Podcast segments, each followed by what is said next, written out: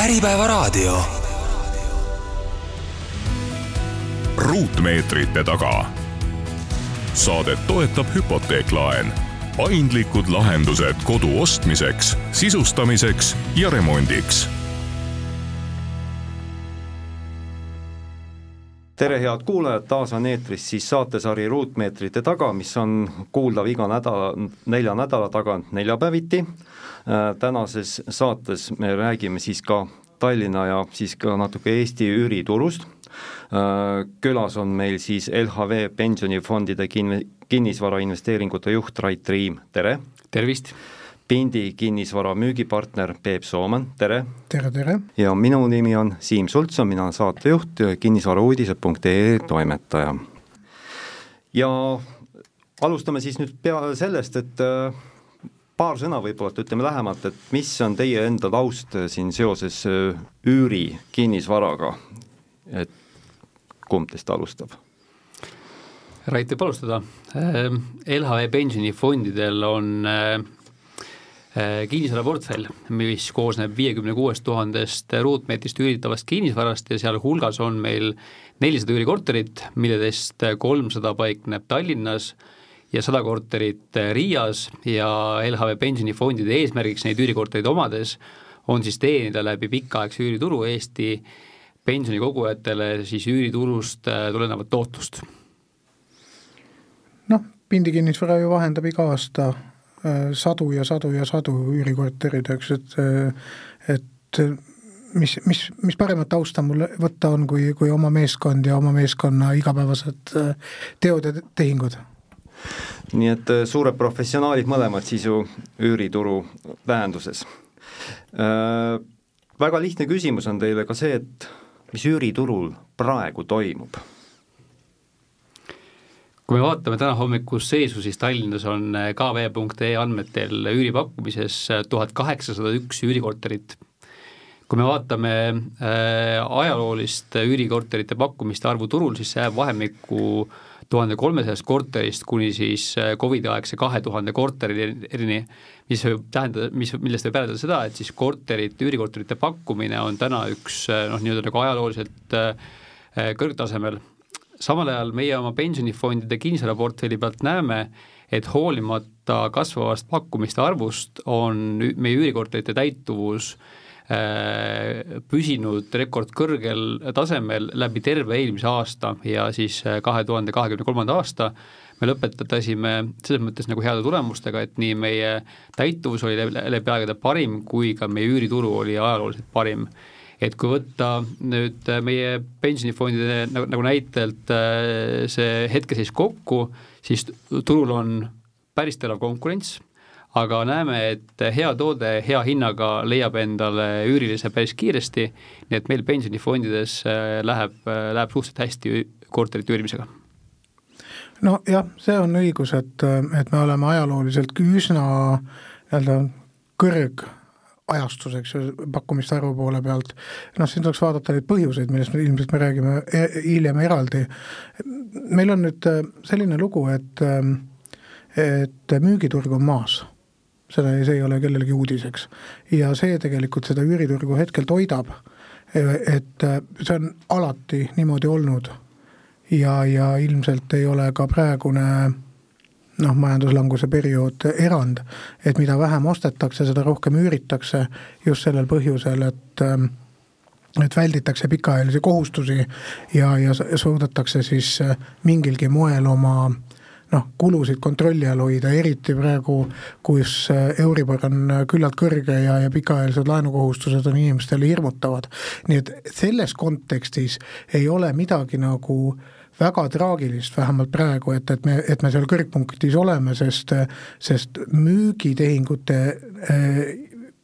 arv on madal ja müügiobjektide vastu on nõudlus väiksem. Ja nagu ma viitasin, nad on, üür ja müük on siis omavahel pöördvõrdelised äh, aktiivsuse poolest alati. Näiteks headel aegadel oli nii, et, et ega keegi ei tahtnud naljalt üürikorteris elada, kes vähegi laenu said, ikkagi ostsid ja üürikorterid võisid seista kuude ja kuude kaupa, ilma et, et äh, keegi oleks tõsist huvi üldse nende vastu tundnud, praegu on vastupidi. ma omalt poolt võin äh, Peebu sõnu kinnitada, et kui ajalooliselt on olnud äh, uue korteri ost peamiseks põhjuseks, äh, miks meie portfellis olevatest korteritest välja kolitakse, siis nüüd viimasel poolaastal on selliste klientide hulk, kes kolivad ära uue kodu ostmise põhjusega, oluliselt, oluliselt vähenenud ja nad selgelt ei moodusta enam nagu esimest, teist põhjust, et, et miks seda nagu, nagu tehakse. ja, ja tõepoolest, et, et te, tehes nagu lihtsalt arvutus, siis noh, täna selline hea kahetoaline korter, selle üür on umbes kuussada eurot. kui tahta analoogset korterit endale soetada, siis kui teha seda tavapärase viieteistprotsendilise sissemaksuga, siis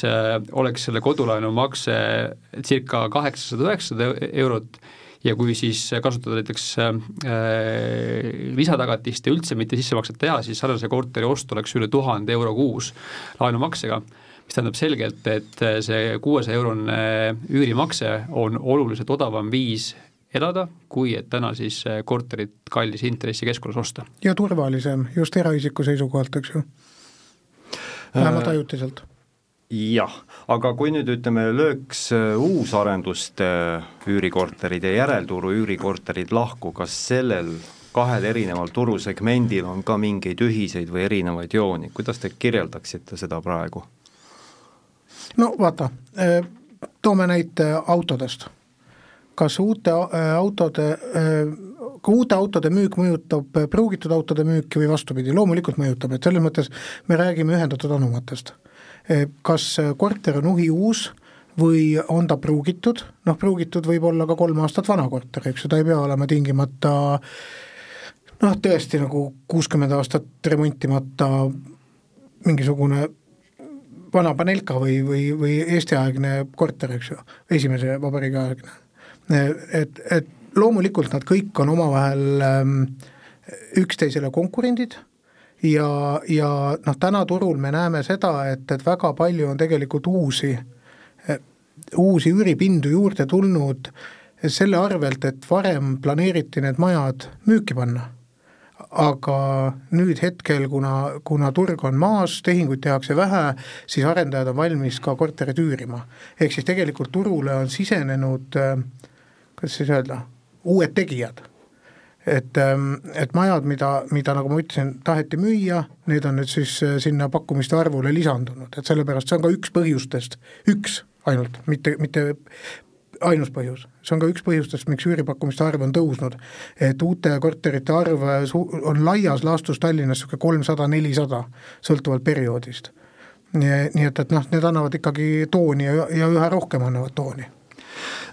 nüüd ma korra siit natuke keriks ajas tagasi, äh, Peep, siin ütleme ühele sinu kommentaarile viidates kahekümne neljandasse novembrisse, tsiteerin kinnisvarauudistesse, äh, täpsemini on valikuid vähe see käib soodsa ja siis superfunktsionaalse üürikorteri soovi kohta. sellele vastavad vaid üksikud uusarendusprojektid ja lisaks käputäis järelturu pakkumisi. Ehk et siis üüriärisse alustajatel, investoritel naljalt nagu asja sellel turul justkui nagu pole, et, et kas nagu ühest poolt on, ütleme nagu valikuid vähe või et noh, või on midagi vahepeal muutunud, kuidas see praeguseks liikunud on, see olukord? No, no novembri lõpu ja, ja jaanuari teise poole vahel ei ole ülearu palju aega, eks ju, mööda läinud, et et ega see mõte jääb tegelikult samaks ja Rait ju juba viitas ka sellele, et hea asi läheb ju kohe ära just nimelt see ongi seesama, see superfunktsionaalne. väga palju on turul korterid, kus on kas midagi on vaja parandada, midagi on väsinud kas trepikoda on kole või inetu või sa lähed trepikotta sisse ja sul kohe lööb tugeva küüslaugu, küüslaugu haisu ninna või on keldriboksid äh, ära mädanenud või keldriboksid ära lõhutud või pole parkimiskohti ja nii edasi ja nii edasi ja nii edasi, et, et selles mõttes turg on täis väga-väga-väga erineva, eri, erinevat kaupa, aga nüüd seda erilist, millel kõik kriteeriumid täidetud oleks, mi-, mida tegelikult inimesed oma kodude puhul eeldavad selliseid asju on tegelikult üüriturul ikkagi jätkuvalt üsna vähe. või, siin ongi nüüd või, äh, nad on lihtsalt nii kallid, et äh, inimesel ei hakka hammas peale mm. -hmm äh, Rait, on sul midagi äkki lisada siia juurde? jaa, võin kommenteerida küll, et kuna LHV pensionifondid ju soetavad üürikortereid kortermajade kaupa, mitte siis ei tee sellist üksikkorterite kaupa investeerimist, siis neid kortermaju disainides oleme me väga palju õppinud selle kohta, et millised karakteristikud ühel kortermajal peavad siis olema või üürikorteril peavad olema, et see oleks ka tulus ja efektiivne äri jah, ja kinnisvara puhul loomulikult kõige tähtsam karakteristik on asukoht, asukoht, asukoht. Aga üürikorterite puhul sekundeerib sellele väga tugevalt ka korteri planeering ruutmetraaž. nimelt äh, üüriturul äh, kliendid ei üüri mitte ruutmeetreid, vaid toalisust ja seetõttu on väga oluline kasutada iga ruutmeetrit selles korteris väga efektiivselt ära kui tavaline müügi kahetoaline korter on täna turul selline viiskümmend viis, kuuskümmend ruutmeetrit, siis näiteks meie portfellis on keskmine üürikorteri suurus nelikümmend viis ruutmeetrit ja keskmine kahetoaline selline kolmkümmend kaheksa kuni nelikümmend ruutmeetrit. ja tõepoolest selliseid efektiivse planeeringuga kortereid, kuhu on siis äh, sisustusega antud ka muu selline funktsionaalsus, et siis selliseid kortereid nagu tõepoolest äh, turul on üksjagu vähe ja nad leiavad väga kiiresti endale kliendid ja usun, et see on ka põhjus, et miks meie oma üüriportfellis oleme suutnud hoida läbi nende aastate pea sajaprotsendilist täituvust. no näed, ja me saimegi kätte selle superfunktsionaalsuse definitsiooni, eks ju jah, et ei, see on väga hea. aga vot siin ongi nüüd nagu, nagu üks huvitav olukord sedasi, et äh, siin möödunud aasta märtsis tundus nii, et, et üüriturul toimub mingisugune muutus äh,, institutsionaalsed äh, investorid, üüriinvestorid siis äh, hakkavad turgu järjest üle võtma ja kõik justkui läheb tõusvas joones, aga midagi jäi justkui toimumata nagu, tuli, tuli nagu mingi seisak Rait, sina näiteks siin ju juuni lõpuski mainisid, et Tallinnas on üürikortereid ju väga vähe või on nad ka liiga odavad. et see äri nagu ei tasu ära. või siis kahekümne esimesel augustil tood sa välja ka, tsiteerin, üüriinvestorite ja kinnisvaraarendajate vahel laiutab endiselt kuristik. Et korterite suurtehingud saaksid uuesti toimuma hakata, peavad kas üürihinnad tõusma või korterite hinnad langema. Ma olen ka täna jaanuarikuus kaks tuhat kakskümmend neli nende seisukohtadega päri. ja nimelt, kui me vaatame Euroopat laiemalt, siis Euroopas keskmisena elab üürikorterites umbes kolmkümmend koma üks protsenti inimestest, samas Eestis on see näitaja stati-, statista punkt statista andmetel kaheksateist koma neli protsenti ja arenenud Euroopa riigid nagu näiteks Saksamaa ja Austria, seal küündib üürikorterite osakaal kuni viiekümne protsendini siis kõikidest elamispindadest. ja selle tõttu ma nagu arvan, et ka meil Eestis eh, on see üürivate inimeste hulk turul sedavõrd väike sellepärast, et meil tegelikult sellist head kaupa väga palju saada ei ole ja ka meie üüriturg on selline üksik noh, nagu eraisiku keskne, kus siis noh, lihtsalt, et keegi, kellel on korter seisma jäänud, annab selle nagu üürile, et puudub selline professionaalne üüriturg. Ja see teine väide, et meie korterid on äh, liiga odavad, üürikorterid, siis et, et ka sellega olen jätkuvalt nõus, et kui me siin äh, intervjuu alguses rääkisime sellest, et kui palju maksab korteri üürimine versus täna siis laenumakse laenumakse äh, siis kõrvale, siis kui me võrdleme Tallinna korterite üürihindu jällegi muu Euroopaga, siis äh, noh, Peep, oled nõus, täna hea möbleeritud kahetoaline umbes kuussada eurot noh, suurusjärk jah. suurusjärk võiks olla. Et kui me näiteks nagu võrdleme suurte riikidega, siis jällegi äh, on avaldatud siin hiljuti statistika eelmise aasta lõpust, mis siis väidab, et et näiteks Amsterdam, mis on siis Euroopa kõige kallima üürituruga nagu linn, et seal on siis näiteks korteri keskmine kuuüür kaks tuhat kolmsada eurot, Pariis tuhat üheksasada, Milano tuhat kaheksasada, Haag tuhat kuussada ja neid eh, suurlinnu, kus on korterid, kahetoalise korteri üür alla tuhande euro, on tegelikult noh, selliste nagu pealinnade kontekstis Euroopas väga-väga vähe. et kui me vaatame jah, nagu suurt pilti, siis, eh, siis ma arvan, et meil on nii korteri müügi kui ka üürihindade osas eh, siin nagu pikas perspektiivis väga suur kasvupotentsiaal. nii, Peep tahab täiendada kohe. ja tahan küll, et me ei saa vaadata ainult toodet ja me ei saa ka vaadata ainult elatustaset mi-, mis jäi mainimata, eks ju, tegelikult see, kogu see meie üüriturg on väga paljuski selline, nagu ta on, seetõttu, et meil puudub äh, tegelikult mõistlik seadusandlik baas.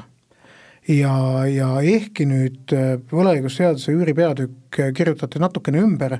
on ta ikkagi äh, selline omandireformi tuules kiirelt kokku klopsitud materjal, mis ei anna tegelikult üürile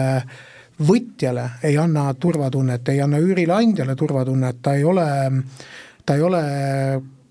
mingilgi moel nagu mõistlikult reguleeritud. Ma pean siis silmas üüriturgu, rääkimata sellest, et meil puudub üürilepingute register ja kõik muu selline, et need on kõik asjad, mis tegelikult üüriturgu elavdaksid eh,, elavdaksid ka, ka noh, korterite üürimist perega terveks eluks, sest äh, need riigid, mida Rait äh, ette luges ja need linnad, mida ta ette luges, no loomulikult meil ei ole mõtet ennast võrrelda Pariisiga, mis on ikkagi nagu maailmalinn, eks ju, noh, hea, et sa Londonit sisse ei toonud, eks, et aitäh selle eest või New Yorki, aga, aga äh, nendes Kesk-Euroopa riikides on väga paljuski on,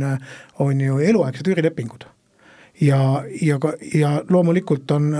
on ähm, mõlemal poolel on väga palju õigusi ja väga palju aga ka, ka kohustusi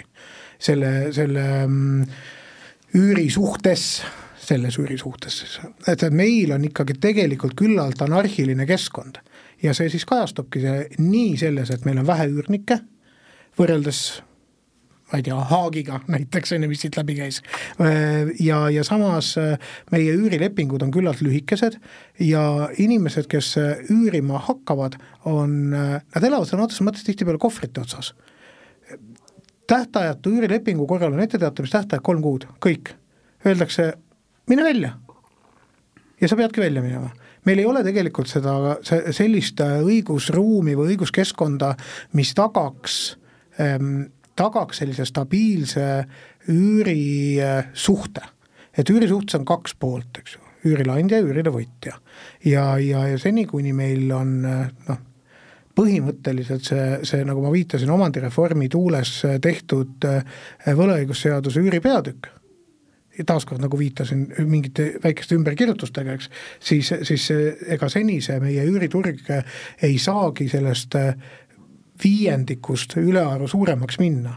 paneme siia muidugi otsa ka, ka kõik need elatustaseme ja need küsimused ja, ja, ja ka sellesama omandireformi, mis muutis kõik eestlased kinnisvarausku. sest olid ajad, kus oli vist üheksakümmend kaheksa protsenti leibkondadest olid ühel või teisel moel kinnisvaraomanikud. ja see oli ju vähem kui kolmkümmend aastat tagasi. ehk väga paljud nendest inimestest ju siiamaani elavad või neil nende järeltulijad mäletavad, et neile kuulus midagi. et, et noh, kogu see, kogu seda taustsüsteemi arvesse võttes meil ei olegi midagi üllatuda, et, et meie üüriturg on selline, nagu ta on Peep, kas äh, üürikorterid on liiga odavad või liiga kallid? turg määrab hinna ju, selles mõttes, et ei saa anda hinnangut, et äh, kas üks asi on liiga kallis või liiga odav, kui, kui ta oleks liiga odav, siis oleks äh, üürikorterid turult kadunud, on ju nii? ütleb minu loogika, noh, kapitalistlik loogika ütleb seda. kui nad oleks liiga kallid, siis nende pakkumiste arv ainult tõuseks kogu aeg praegu on võrreldes poole aasta taguse ajaga, on pakkumiste arv kolmandiku võrra tõusnud. järelikult tänasel ajahetkel, anno Domini kaks tuhat kakskümmend neli jaanuaris, on pigem üürikorterid järelikult ju turu jaoks liiga kallid. sellepärast, et, et noh, kogu, kogu selle elukalliduse taustal, kõikide nende probleemide taustal, mis meil ümberringi on, järelikult üürnik ei ole valmis seda hinda maksma, muidu ei oleks ju äh, üüripakkumiste arv kolmandiku võrra tõusnud. tõsi, nagu ma viitasin, siin on ka, siin on ka teised põhjused, eks ju, et, et lühiajaline üür on omadega täiesti upakil, äh, turistide äh, kuidas ma ütlen, profiil on muutunud et enam ei, enam ei, ei ole selliseid turiste, kes, kes lühiajalist majutust ülearu tarbiks, noh, see on, see on pikk, pikk, pikk, pikk ja igav jutt alates sellest Covidi perioodist, et mis siis, mis siis nendega juhtus ja see, see turg ei ole taastunud ja kõik muu, aga kui me räägime nüüd siseriiklikust turust, siis, siis noh, neid pakkumisi on just nimelt selle, sellepärast on liiga palju, et, et järelikult üürnikel ei ole võimekust rohkem maksta. seega, seega eh, pigem ma ütleks, et tegelikult tänases ajahetkes on pigem üürikorterid liiga kallid, vastasel juhul neid oleks vähem vabana pakkumises. Mm, vaielge vastu, kui see kapitalistlik loogika nagu tööle ei vasta, et Rait, vaatan sulle otsa. Peebul on õigus, ega iga kaup ja teenus on ju, selle hind sõltub ju nõudluse pakkumise tasakaalust ja, ja ma arvan, et need argumendid, mida Peep välja tõi, on väga asjakohased, lihtsalt minu see välja nagu, nagu hinnang, et, et meie üürihinnad on on madalad, on, on nagu pigem selline suure, suure, suure pildi loogikast lähtuv. aga ma tooksin ühe sellise põhjuse veel siia juurde, et, et, et kui Peep mainis neid põhjuseid, et miks täna on üürikortereid sedavõrd palju tekkinud turule, siis mida me näeme enda Tallinna korterite statistika pealt, on see, et kui meil ütleme, et aasta tagasi moodustasid mitte-eestlastest üürnikud umbes nelikümmend viis protsenti kõikidest üürnikest, siis tänaseks on see langenud umbes kolmekümne peale. Ja, ja meie majades, äh, nagu üürimajades peatusid ka sellised äh, noored äh, talendid, kes tulidki siia üle maailma töötama kohalikesse IT-ettevõtetesse ja muudesse sellisesse nagu noh, nagu spetsiaalseid eriteadmisi nõu-, nõudvatesse ametikohtadesse, et mulle tundub, et kui me räägime täna sellisest nagu tööjõustatistikast turul ja, ja saame öelda, et, et meil nagu töötus on püsinud suhteliselt madalal nüüd nagu pikka aega, siis see statistika selles mõttes on moonutatud, et need inimesed, kes on olnud siin siis äh, käinud tööl teistest riikidest ja üürinud meie üürikortereid, nad on olnud kas sellise käsunduslepingu või siis nagu renditööjõuna ja siis nad lihtsalt ongi nüüd äh, töö vähenedes olnud sunnitud Eestist lahkuma ja sellepärast on meil siis ka hinnanguliselt neid üürikortereid natukene juurde tulnud. pluss mida pikemaks venib sõda, seda vähem see kosmopoliitne töövõtja siia Venemaa külje alla tulla tööle tahab. ehk siis, kui on ühel andekal IT-mehel, IT puhul ma ei tea, kui, kui hästi te kursis olete, eh, IT-maailmas on ju nii-öelda piltlikult öeldes börs, eks ole, lausa. et, et, eh, et, et üks mees Indias, kes on andekas, räägib inglise keelt, tunneb kõiki moodsaid eh, võtteid see, sellega minu teadmised IT-st piirduvad, eks ju, et teab võtteid et tema, ta, talle, talle vahendatakse pakkumisi sellest samast Haagist, sellest samast Pariisist, Tallinnast ja Helsingist. Enne tundus Tallinn nagu täitsa põnev, kui palk on ühesugune ja, ja, ja sulle antakse korralik korter ja, ja ametiauto ja, ja, ja, ja sama palgaga sul on elamiskulud on madalamad, eks ju, et, et, et kõik tundub nagu väga põnev. Aga, aga täna see, see, see kaugelt maalt tuli ja vaatab, võtab sõna otseses mõttes oma keskkooliaegse või gümnaasiumiaegse gloobuse, vaatab, kus kurat see Eesti nüüd asub, vaatab, see on ju nii vale koht, kui üldse olla saab. puht geopoliitiliselt on nii vale koht, just nimelt, me räägime sellest nagu sellest väga suurest vaatest, aga, aga noormees, kes on New Delhis lõpetanud, äh, saanud magistrikraadi äh, seal informaatikas, tema vaatabki asju hoopis teise pilguga. tema vaatab, vaatab, et, et Tallinna ja Peterburi vahel on üks sentimeeter see gloobusel, eks ju. ja ta vaatab, ei ma lähen Pariisi. Ja, ja, ja, ja, ja see on see jah, lihtsalt üks väikene vahepala, nad ei ole küll töölepinguga siin, et, et tõesti see, see, see töövõtu, ähm, töövõt-, või tähendab, vabandust, töötuse statistika on moonutatud, aga see oli hea point, mille Rait välja tõi, eks ju, et, et neljakümne, nelikümmend pluss protsendi pealt on tegelikult üürnike arv langenud, sest ega välismaalased põgenevad siit hea meelega,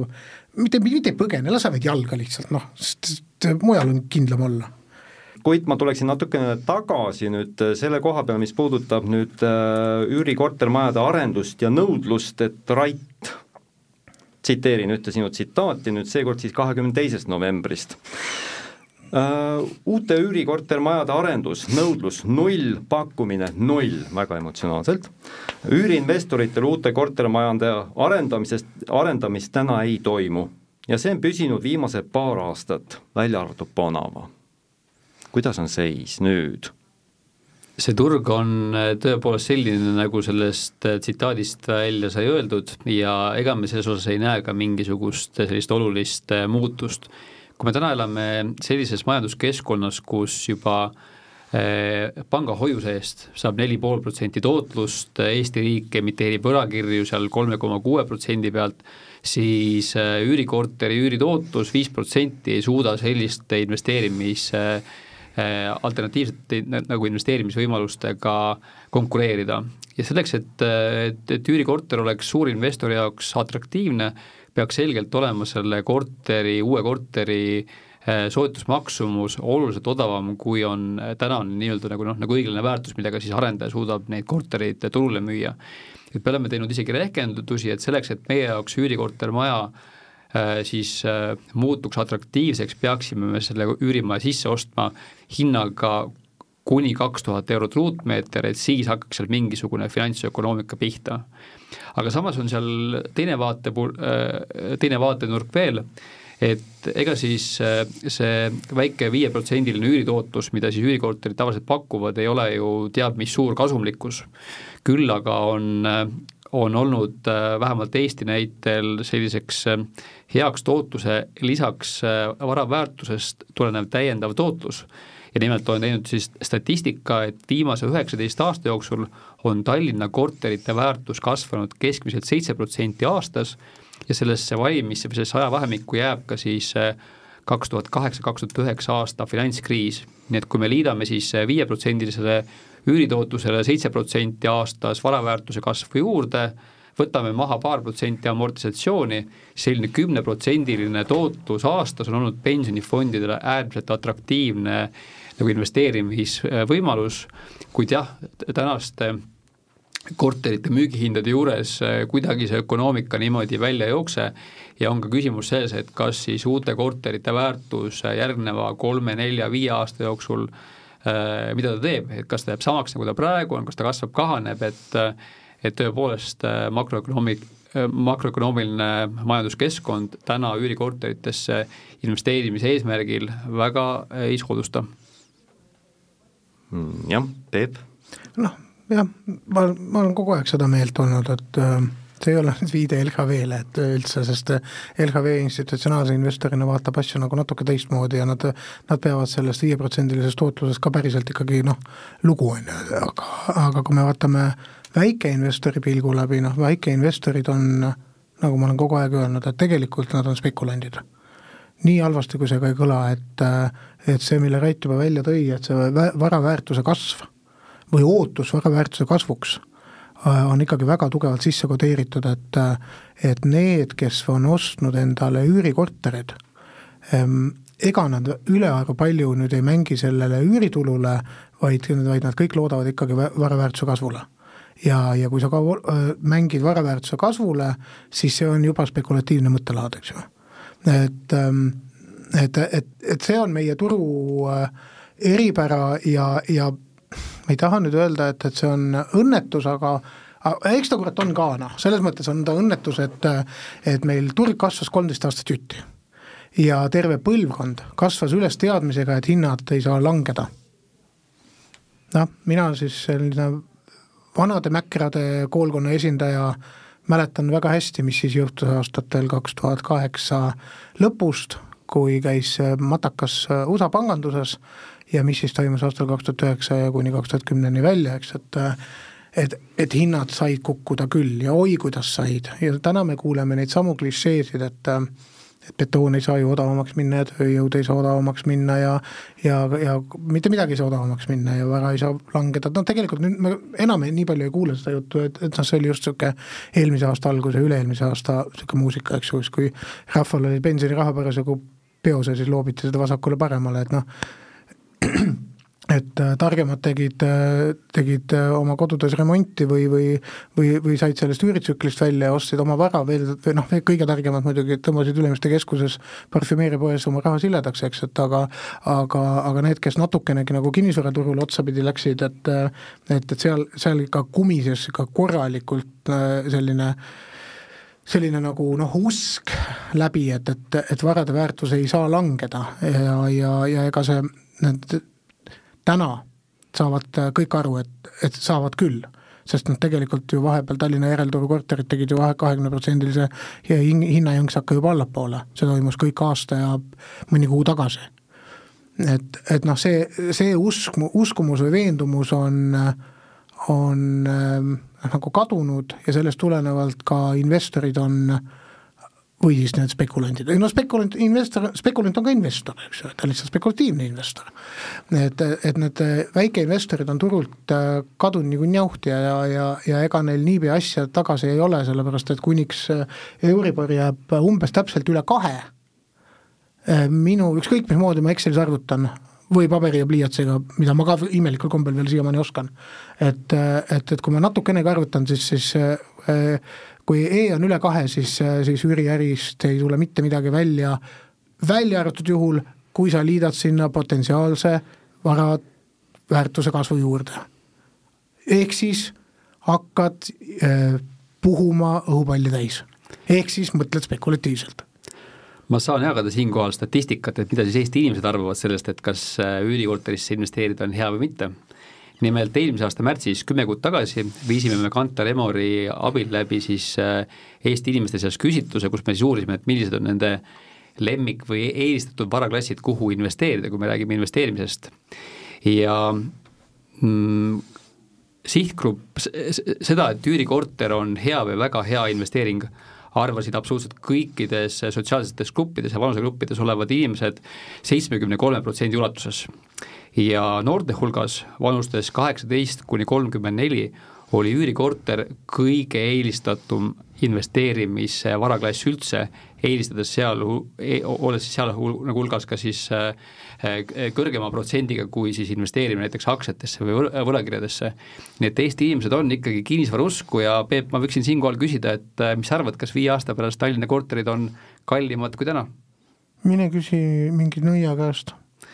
mina, mina, see... mina ei oska vastata selles mõttes, et me ei tea, me ei tea, mis meil nüüd esimene, esimene esimene, sellest viiest aastast esimene ja teine toovad, eks ju, et, et, et see, seal see tegelikult kogu see trikk ongi, sest sa ju ise viitasid samamoodi, eks ju, et, et see võtmeküsimus ongi selles, et, et kas aasta, kahe või kolme pärast on, on väärtuse kasv äh, aset leidnud või mitte ja, ja, ja millisel moel ta on leidnud, kui ta, või ütleme nii, et mitte väärtuse kasv, vaid väärtuse muutus. et kui väärtus, väärtus saab muutuda mõlemat pidi, et et jah, eks me kõik tahame uskuda, samas ärme unusta seda, et, et meil on tegelikult äh, demograafiline kriis juba väga tükk aega, teiseks meil on väga kõva demograafiline steroid praegu sees Ukraina põgenike näol, mida ei saa mitte kuidagi ignoreerida. Ehk siis, äh, ehk siis ma ei, ma ei mingil moel ei ennusta ette kollapsit või mingit väärtuste langust, ma lihtsalt tahan öelda seda, et äh, pimesi uskumine, et varaväärtused tingimata peavad tõusma,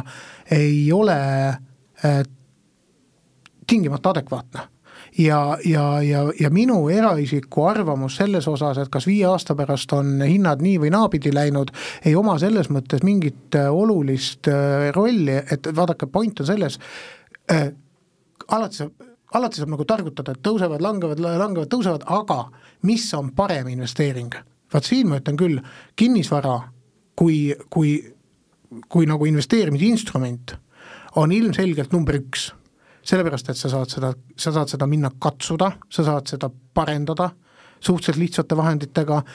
sul puudu, sul, sul ei puudu kontroll selle üle nagu mingite aktsiate üle või kas või võlakirjade üle, see, see positsioon on sul ajas, ajas nii-öelda nagu manageeritav. tahan, müün maha, tahan, ei müü, tahan, vahetan üürniku välja, tahan, ei vaheta. Ehm, et, et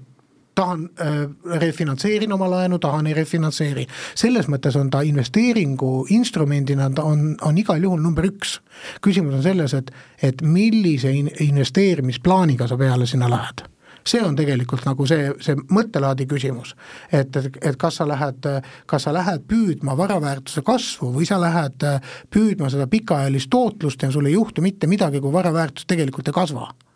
et, et, et siin ongi erinevus institutsionaalsetel ja, ja nendel äh, väikestel erainvestoritel. seal on see vahe, kui LHV-lt äh, ma ei tea, viie aasta pärast ongi hinnad on samad, teil ei juhtu mitte midagi sellest siis oleme saanud viis protsenti aastas ja niimoodi viis aastat järjest. palju õnne ja kõik jumala hästi ja teie hoiustajad on õnnelikud ja teie, teie need tulevased pensionärid on õnnelikud ja kõik on okei okay,, kuni see viis protsenti veel inflatsiooni ka ületab, mida ta loodetavasti hakkab ikkagi ületama, eks ju, siis, siis ongi kõik kõige paremas korras. Äh, aga, aga väikeinvestoril äh, noh, vaata, sina viitasid sellele amortisatsioonile paar protsenti, tegelikult väike investor, kurat, te pole kumbki mees, me, meestest, me, kumbki teist mehed pole lugenud seda minu, seda kinni, kuidas kinnisvaraturul kriisi kiuste äh, kasumit teenida. ma tõin ka seal välja arvutuse, tegelikult minimaalne amort, mida tuleb arvutada, minimaalne, uutel hoonetel, välja arvatud plokk, plokktehingutes, eks ju, on kolm, vanematel hoonetel viis, pane sinna otsa vakants, vakantsist mitte keegi ei räägi mitte midagi. Äh, kui sul on üks kuu aastas äh, pind tühi, sul on kohe Äh, kaheksa protsenti äh, on vakants. see on juba viis pluss kolmteist, eks ju, hakka sinna otsa laduma igasuguseid muid parenduskulusid, pirnid lähevad läbi, rõdupiiret on vaja keevitada ja nii edasi, sellest tootlusest ei jää mitte midagi enam alles mm. -hmm. vabandust, et ma nüüd nagu see tujurikkuja olin või, aga, aga noh. ei, ei see on väga hea, väga huvitav ja ma toon siia sisse veel ühe osapoole, see on nende arendajad. ehk et üüriarendus, noh, Bonava ju siin avas just hiljuti Uus Mustamäe oma üüriarenduse, mida ta oli juba pikalt siin ette valmistanud, äh, seda on toodud kui head näidet välja, aga siiski küsin, et kas see üüriarendus on selline uus süvenev trend või on see arendajate lihtsalt lisategevus või on see arendajate hädalahendus vaevalise müügi kinnikatmiseks? vast Peep teab äh, paremini, kas ja millised arendajad on oma nii-öelda nagu valmis korterid üüriturule siis suunanud? tean küll, ma ei saa öelda. No Peep juba tegelikult vihjas ka siin sellele, eks ole, et, et, et midagi nii on, toon siia kõrvale siit ära ka, tegelikult kinnisvaraanalüütik Risto Vähi siin märtsiski, vabandust, novembriski juba mainis ära, et et et jah, on tegemist justkui nagu ütleme, päästeaktsiooniga, kinnisvaraanalüütik samal paar päeva hiljem, novembris siis Tõnu Toompark ütles, et ei, ei ole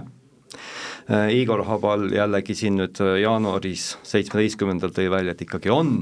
no Igor ja Risto töötavad ühes firmas, nad ei saa muud öelda, nad peavad, peavad nagu ühte juttu rääkima, eks. Aga kui me vaatame suuremat trendi, siis ma arvan, et kahtlemata see suur trend on see, et suurinvestorid võtavad järjest suurema osa üüriturgudest äh, nagu enda kätte ja see küll toimub väikeste sammudega, aga siiski nagu see trend sinnapoole on ja ma arvan, et see on väga tervitatav, sest et eh, noh, me juba viitasime sellele võlaõigusseaduses olevatele puudustele, et, et see ei ole väga noh, ei üürileandja ega üürniku kontekstis nagu tasakaalus, aga siiski, et noh, meil nagu turg täna selgelt vajab sellist professionaalset lähenemist, kus siis selgelt saadakse aru, et see üürikorter ei ole mitte toode, vaid teenus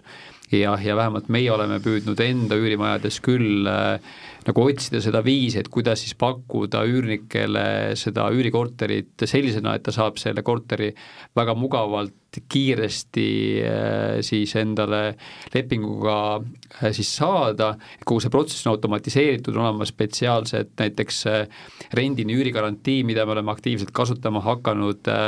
ja, ja kogu see suhtlus üürileandja ja üürniku vahel, et, et, et kui üürnikul mis tahes väike nagu mure on, siis ta teab, et tal on kellelegi helistada ja tõesti ei juhtu seda, et kolmekuulise etteteatamisega üürileandja võib selle lepingu lõpetada, et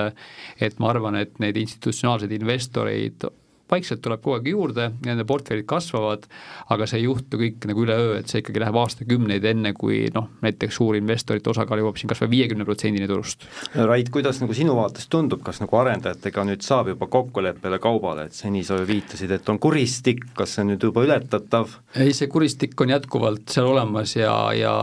suureks põhjuseks on ikkagi see, et tänane noh, see on nagu makroökonoomiline olukord ja intressid on sedavõrd kõrged, et et see üüriäri tänaste korteri müügihindade juures ei ole in, nagu investorite jaoks atraktiivne ja võib-olla, et ma kasutaksin siinkohal juhust ja, ja tooksin ühe põhjuse veel välja, miks meil on raske arendajatele, arendajatega kaubale saada,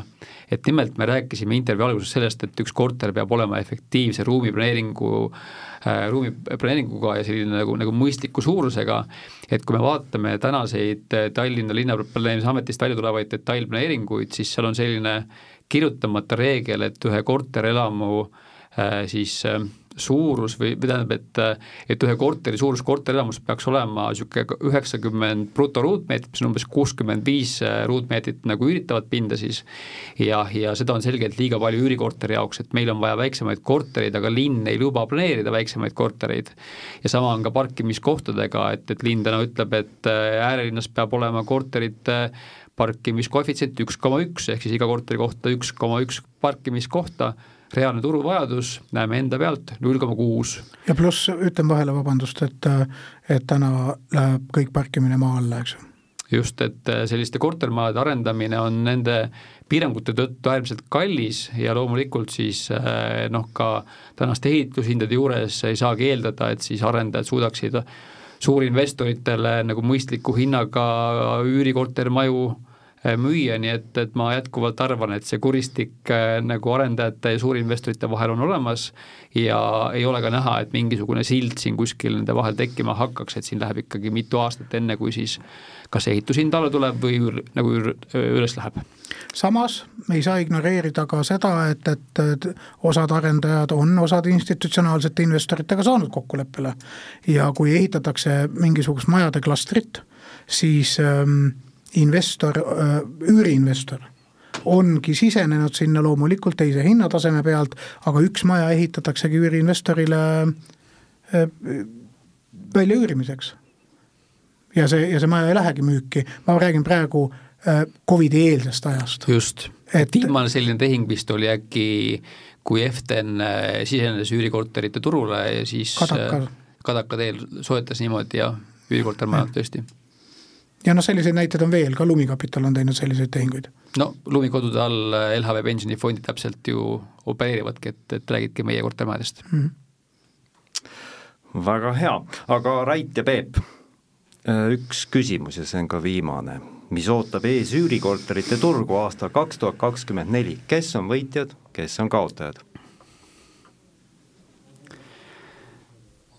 olen seisukohal, et äh, heas asukohas, hea ruumiplaneeringuga, hea kvaliteediga teenusega, usaldusväärse üürileandja poolt äh, välja pakutavate korterite järele üürinõudlus püsib küll aga äh, me peatusime siin sellel geopoliitilisel olukorral ja sellel, et äh, meil äh, välismaalastest üürnikke on jäänud järjest vähemaks, siis mul on tunne, et kahe tuhande kahekümne neljas aasta saab olema üpris keeruline nendele, kes toimetavad sellises premium segmendis, kallite üürikorteritega, uusarendustes väga niisuguse nagu maitseka siseviimistlusega, et lihtsalt meil turul ei pruugi sel aastal olla äh, sellist maksujõulist kohalikku klienti, kes siis oleks võimeline neid äh, uhi uusi ja kalleid kortereid üürima. aga inimesed kusagil nagu elama peavad ja see on ka üks põhjus, miks äh, me LHV pensionifondides oleme ka üürikorteritesse positsioone võtnud, et kui raskel ajal näiteks ärikinnisvaras äh, võib tekkida see, et noh, kaubanduskeskused, poes, poed panevad kinni või bürood tõmbavad koomale, siis inimesed kusagil nagu elama peavad ikka jah, ja näeme seda ka ju oma nüüd viimase kvartali tulemuste pealt, et meie too-, et meie täituvused on olnud väga head, nii et ma arvan, et, et, et see jätkub ka kahekümne neljandal aastal, et äh, meie omalt poolt ei näe olulisi äh, muutusi üüriturul äh, sellises noh, nagu middle class segmendis, kus meie siis nagu, nagu opereerime, et et arvame, et see turg püsib stabiilne. no ma ütleks niimoodi, et kui me võtame nüüd üüriinvestori tulud. ja lahutame sealt maha eelmainitud amortisatsiooni, vakantsi, intressikulu äh, ja kõik muu äh, jooksva halduse ja, ja, ja korrashoiuga seotud kulutused, kõik üürivarade omanikud, kes jäävad aasta lõikes peale nende kulude ausat ja õiglast mahaarvutamist, jäävad plussi, neil on, neil on, nemad ongi võitjad kasutaksin siinjuhul seda nagu aususe, võtaksin sinul sellest sõnasabast kinni, et meil just, just siin sel nädalal äh, algas õpetajate streik ja riik ütleb, et raha ei ole, et Maksu- ja Tolliamet on kahe tuhande kahekümne esimesel aastal andnud Äripäevale intervjuu, kus ta väidab, et äh, nende hinnangul üüriturul kaheksakümmend viis protsenti väikeinvestoritest või siis korteriomanikest jätab üüritulult saadav, üüritulult saadavad maksud maksmata. ja ma tegin rehkenduse, et minu hinnangul jääb seeläbi riigil saamata sada kolmkümmend, sada kolmkümmend kaheksa miljonit eurot aastas. nii et äh,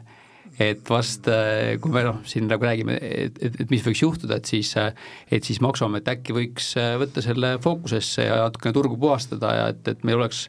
ausam konkurents ka üüriturul. ja, ja tegelikult ei olekski rohkemat vaja, kui luua see, see palju oodatud üürilepingute register ära, kui see tehtaks ära ja tehtaks korralik teavitustöö, et äh, iga leping peab olema reg-, registris, vastasel juhul äh, ei üürivaidluskomisjon ega miski muud äh, organid, kes sind üldse aidata saavad, sellisel juhul lihtsalt nad ei, nad selle üürniku jaoks ei eksisteeri, siis see juba korrastaks turgu ise väga-väga palju. et, et jah, tõesti, need, kes jätavad tulumaksu maksmata, noh, eraisikutel on ta siis sealt kaheksakümne protsendi pealt kakskümmend protsenti, eks ju, ettevõtetel kakskümmend protsenti, et ähm, kui raha välja tahetakse võtta. et, et kui need, kes jätavad selle maksu maksmata, siis, siis neil ei ole häda jah, sa võid seal vakantsid ja amortisatsioonid ja intressid ja ta katab kõik ära sul ilusti, on ju. aga veel kord, see ei ole ju tegelikult adekvaatne turg. et, et kui noh, tegemist on ju tegelikult maksupettusega, eks. jah, suur tänu